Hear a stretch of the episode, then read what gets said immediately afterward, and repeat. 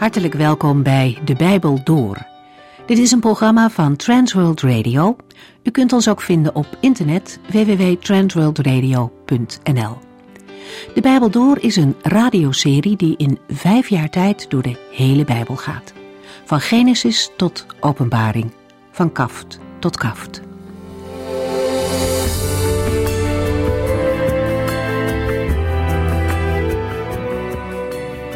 We zijn in deze serie bezig met de eerste brief die Paulus aan Timotheus schreef. Hij geeft in deze brief verschillende richtlijnen voor het gemeenteleven. De vorige keer zijn we in hoofdstuk 3 begonnen en daar noemt de apostel een aantal voorwaarden waaraan oudsten, ook wel opzieners genoemd, in de gemeente horen te voldoen. Het gedeelte begint echter met een opmerking van Paulus dat er niks mis mee is wanneer iemand graag een leidende rol in de gemeente wil vervullen. Van belang is dan wel dat dit verlangen in overeenstemming is met Gods wil. Als iemand op meer eigen eer en aanzien uit is, dan kan hij beter geen leiding geven. Verder moet het gedrag van een oudste onbesproken zijn. Zowel in de gemeente als daarbuiten is het belangrijk dat hij goed bekend staat, zodat hij niet in opspraak komt. Paulus noemt verschillende voorbeelden. Een oudste moet bijvoorbeeld geen ruziezoeker zijn of geldzuchtig en gastvrijheid en vriendelijkheid zijn belangrijk. En ook moet een oudste godswoorden goed kunnen onderwijzen. In deze brief wordt de gemeente vergeleken met het huisgezin van God. Paulus geeft aan dat het voor oudsten belangrijk is om hun eigen gezin goed te leiden. Het kan een oefenschool zijn voor het leidinggeven in de gemeente. Dezelfde eigenschappen van leiderschap die nodig zijn voor het besturen van een eigen huisgezin komen terug in de zorg voor het huisgezin van God. Het besturen van de gemeente wordt hier met de woorden voor de gemeente zorgen gekarakteriseerd. Het gaat niet om heersen, om de baas zijn, maar om het hoeden van de kudde van de Here, de gemeente van God. En na al deze voorschriften voor de oudsten gaat Paulus verder op de kenmerken waaraan diakenen en dienaars moeten voldoen. Daarover lezen we in 1 Timotheus 3 vanaf vers 8.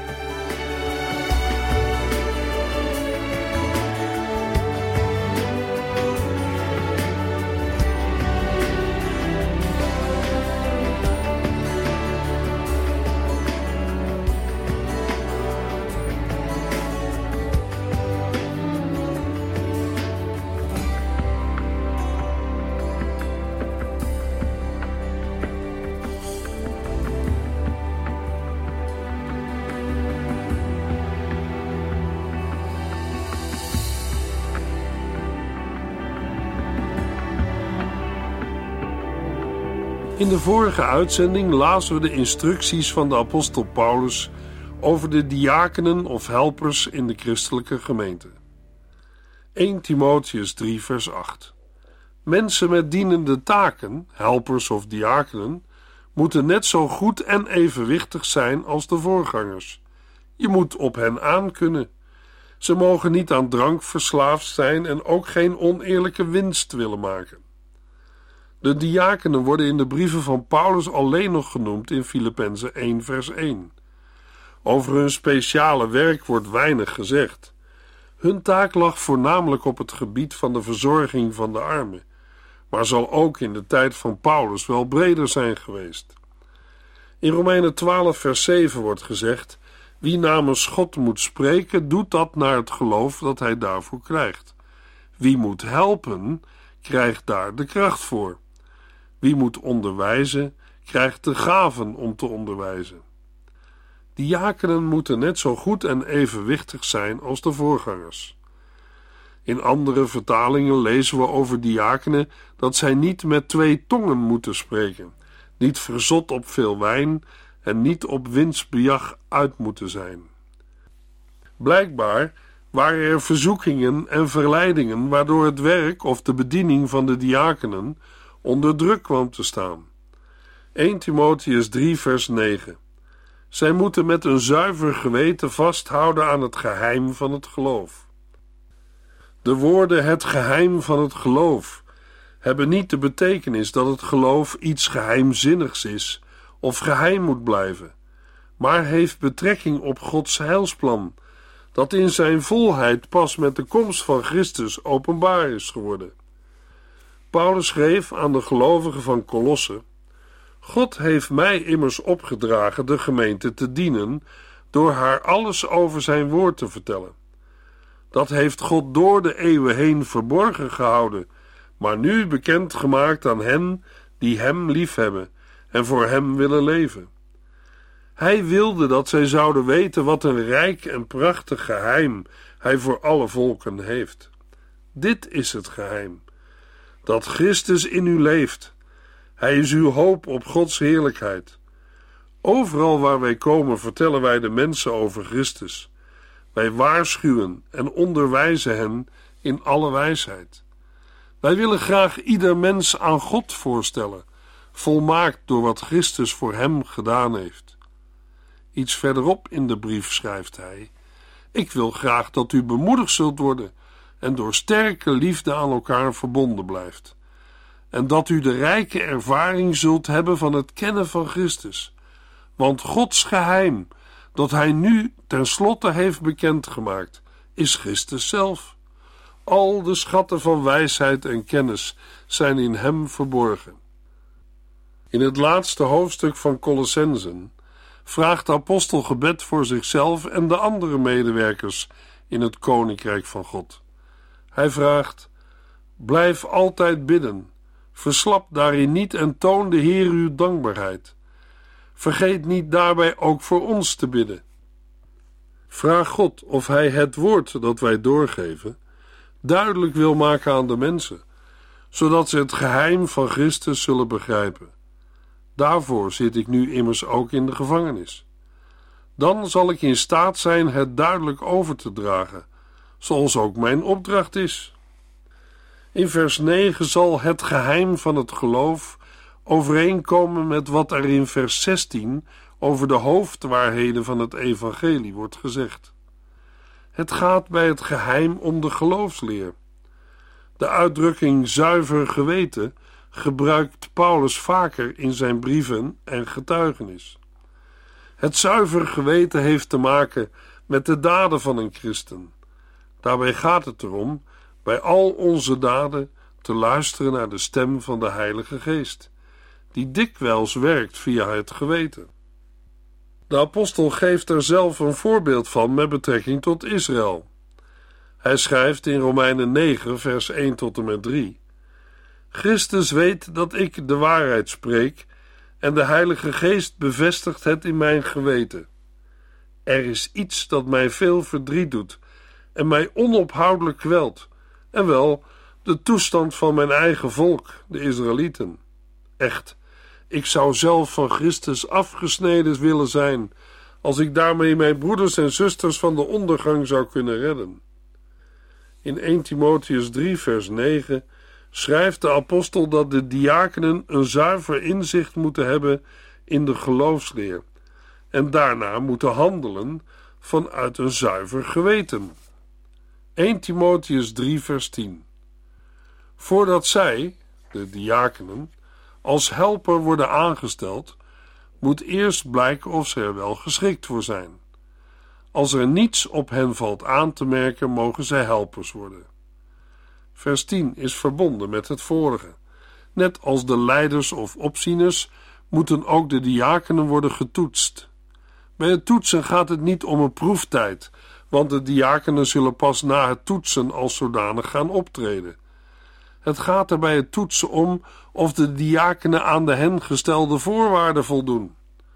Hetzelfde geldt voor de opzieners. De woorden als er niets op hen valt aan te merken, slaat op het volledig beantwoorden aan de gestelde voorwaarden. Als ze aan de voorwaarden voldoen, mogen zij helpers worden.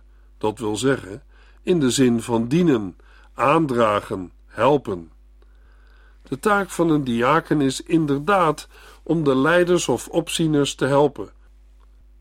Dat doen ze door de leiders of opzieners een aantal praktische werkzaamheden uit handen te nemen. 1 Timotheus 3, vers 11. Op vrouwen mag ook niets zijn aan te merken. Zij mogen niet roddelen en het vertrouwen niet beschamen. Ze moeten in alles betrouwbaar zijn. In het voorgaande werd al duidelijk dat Paulus gewoon verder is gegaan met het geven van voorwaarden. Nu in vers 11 gelden de voorwaarden voor vrouwen. In 1 Timotheus 2 heeft Paulus al over vrouwen in de gemeente gesproken. Daarom gaat het in 1 Timotheus 3 om een bijzondere categorie vrouwen. Er zijn twee gangbare opvattingen. Of het gaat over de vrouwen van de toekomstige diakenen, of het gaat in 1 Timotheus 3 om vrouwelijke diakenen. Als het om de vrouwen van de diakenen zou gaan, is het vreemd dat Paulus geen voorwaarden heeft gegeven voor de vrouwen van de leiders of opzieners.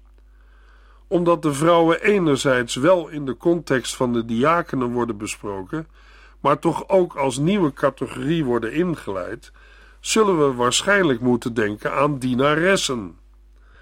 Dat er in de eerste christelijke gemeente vrouwelijke diakenen bestonden, blijkt ook uit Romeinen 16, vers 1 en 2, waar Paulus schrijft: Ik wil Febe bij u aanbevelen.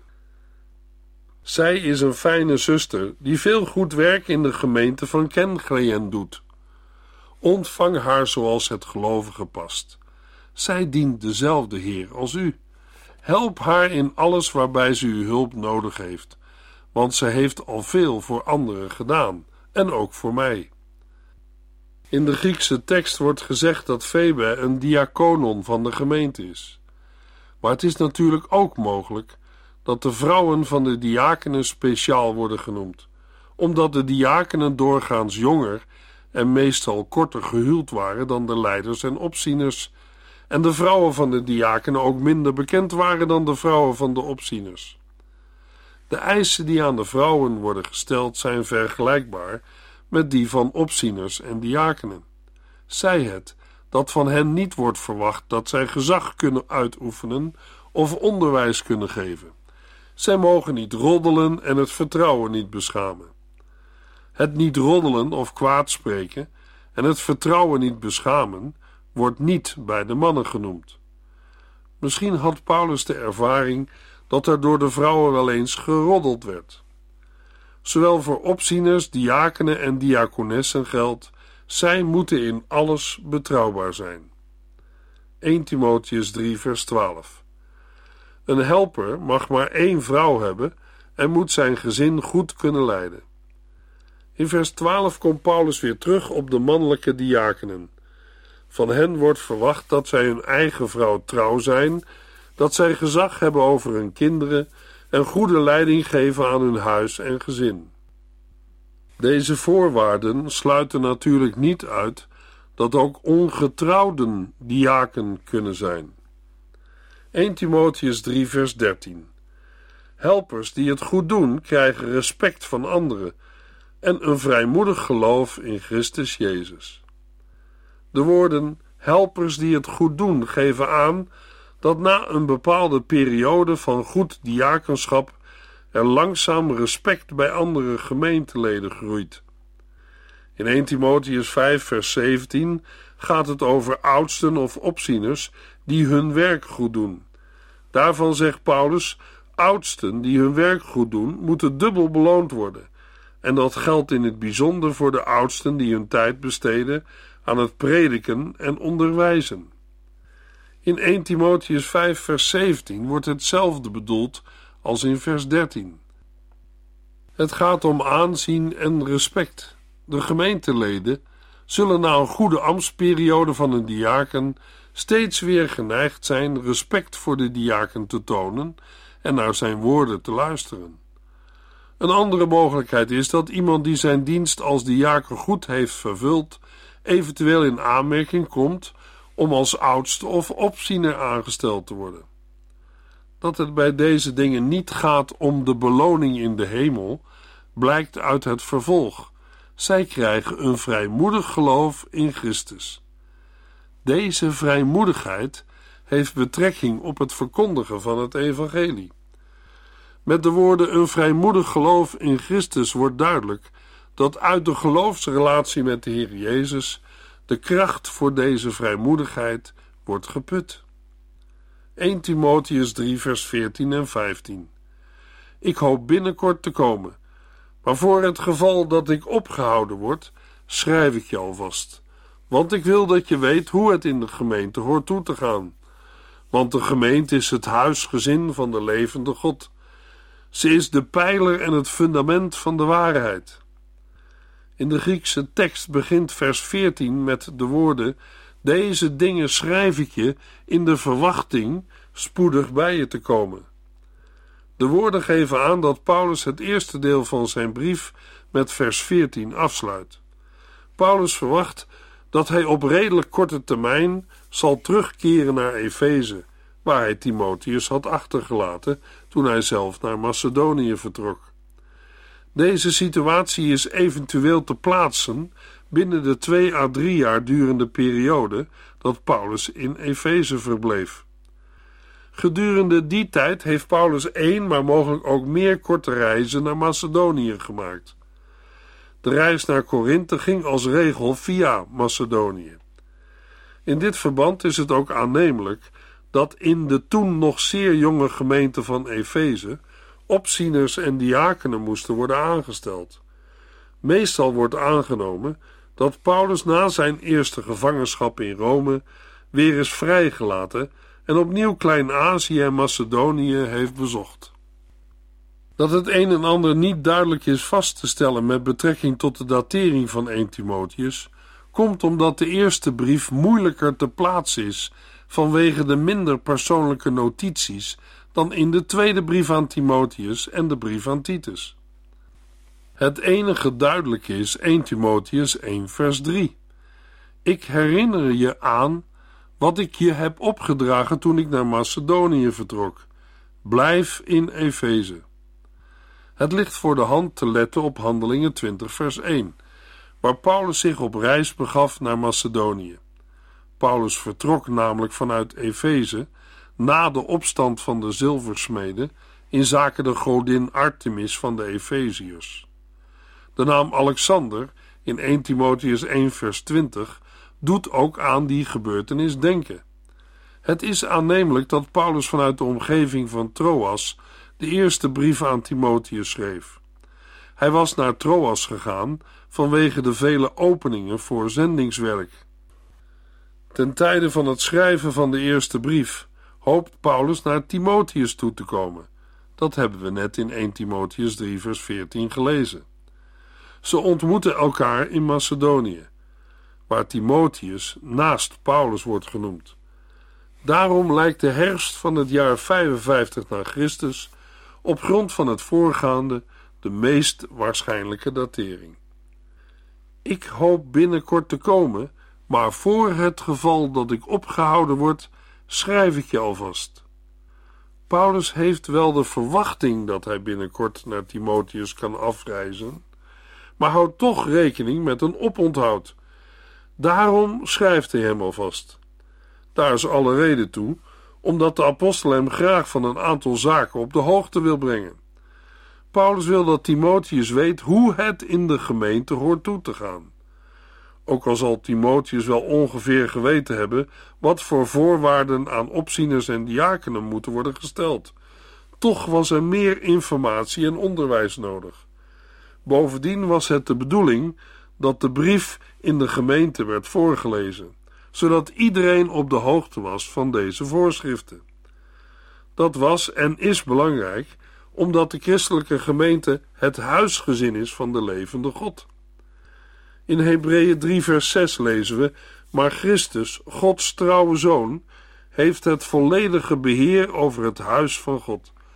En dat huis zijn wij, de christenen, als wij tenminste tot het einde toe volhouden en met blijdschap op de Here blijven vertrouwen.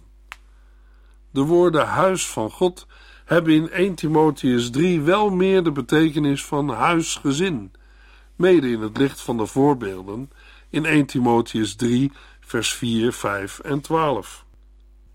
De instructies van Paulus zijn bedoeld voor het leven in het verband van de gemeente van Christus, waarbinnen ook sprake is van gezag en orde.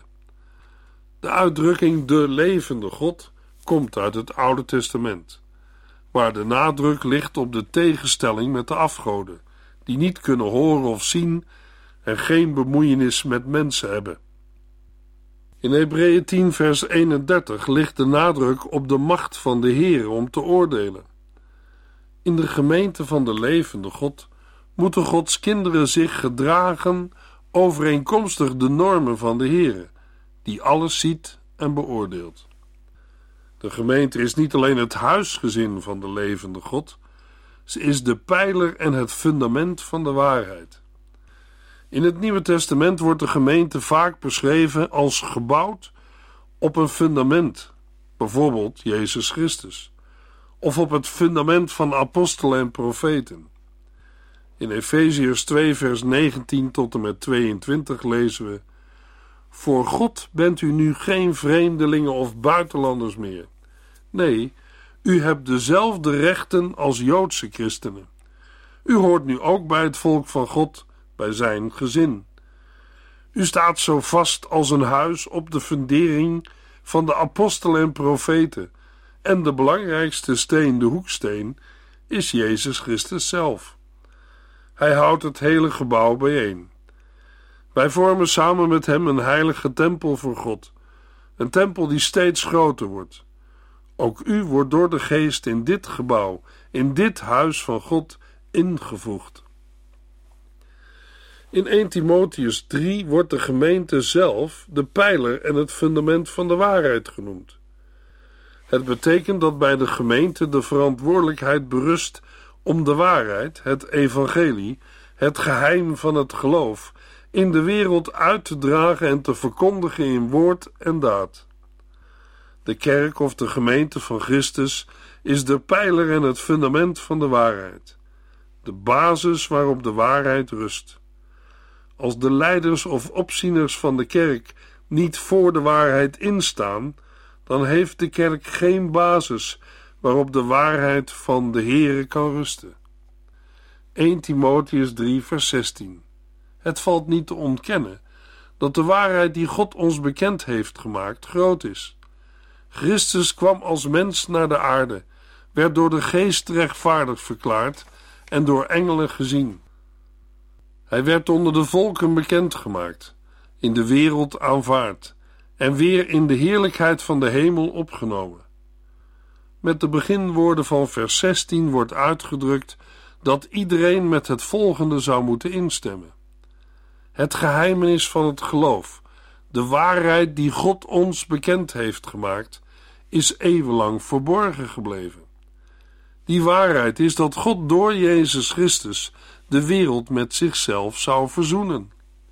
Deze boodschap wordt nu weergegeven in de vorm van een lied. De zes korte versregels vertonen in het Grieks een duidelijk ritme en een prachtige rijm.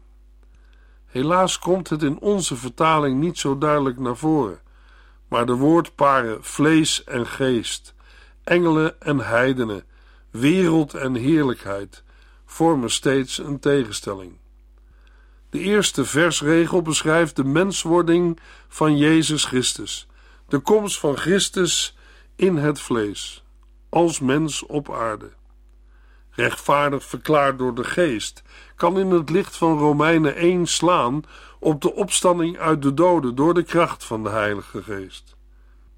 In 1 Petrus 3, vers 18 lezen we: Ook Christus heeft als een onschuldige voor schuldigen geleden voor onze zonden, voor eens en altijd, om ons bij God terug te brengen.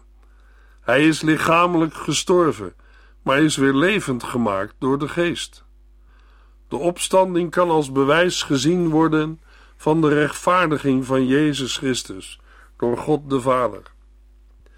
Met gezien door of verschenen aan de engelen wordt volgens sommige Bijbeluitleggers gedoeld op de boze machten in de hemelse gewesten, die verbijsterd waren toen de Heer Jezus uit de doden opstond en werd verheerlijkt. Maar de tegenstelling met volken of heidenen maakt het waarschijnlijker dat deze engelen de hemelse engelen zijn die Christus welkom heten bij zijn hemelvaart. Daarna wordt de verkondiging van het evangelie aan alle volken en het geloof dat overal in de wereld op Jezus gevestigd wordt, bezongen. Ten slotte spreekt het weer opgenomen in de heerlijkheid van de hemel niet alleen over de hemelvaart, maar bovenal over de heerlijkheid die Christus aan de rechterhand van God de Vader heeft ontvangen.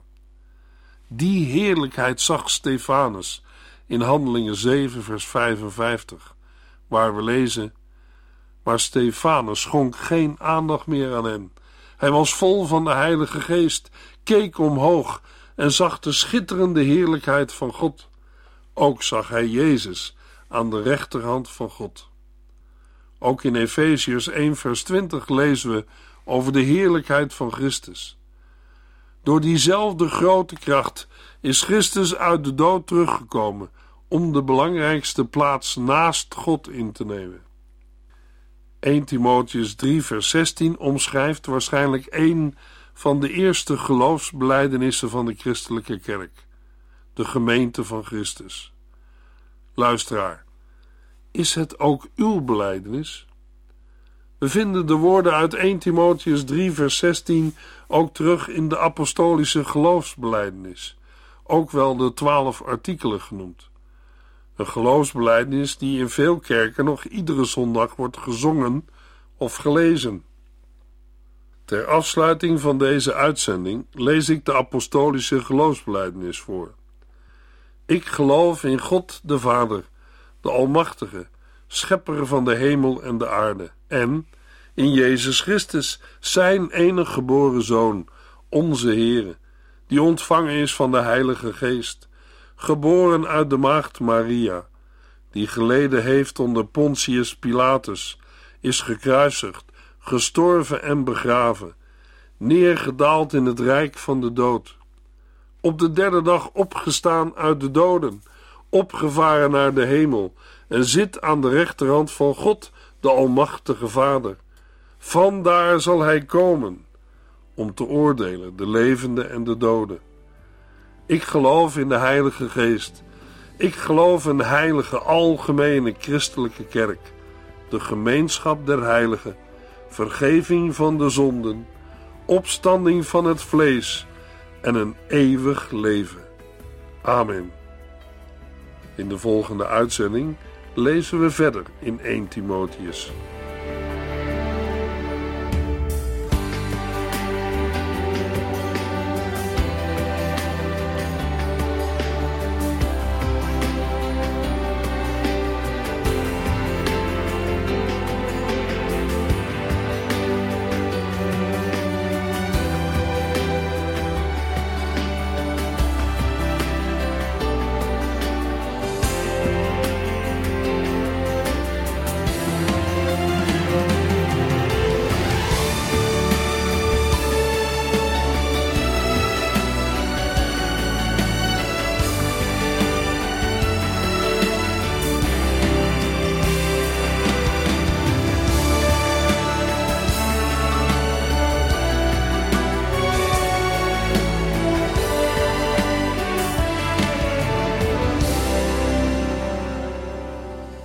Eindigt deze aflevering van De Bijbel Door.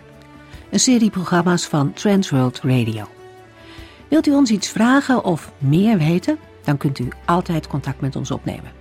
Bellen kan overdag met 0342 478432. Per post Transworld Radio. Postbus 371. Postcode 3770. Anton Johannes in Barneveld. En e-mailen kan ook. De Bijbel door at transworldradio.nl En natuurlijk ook via onze website transworldradio.nl Dit programma werd gepresenteerd door Cor Weda en Ike André. En namens iedereen die er nog meer aan meegewerkt heeft, graag tot de volgende keer.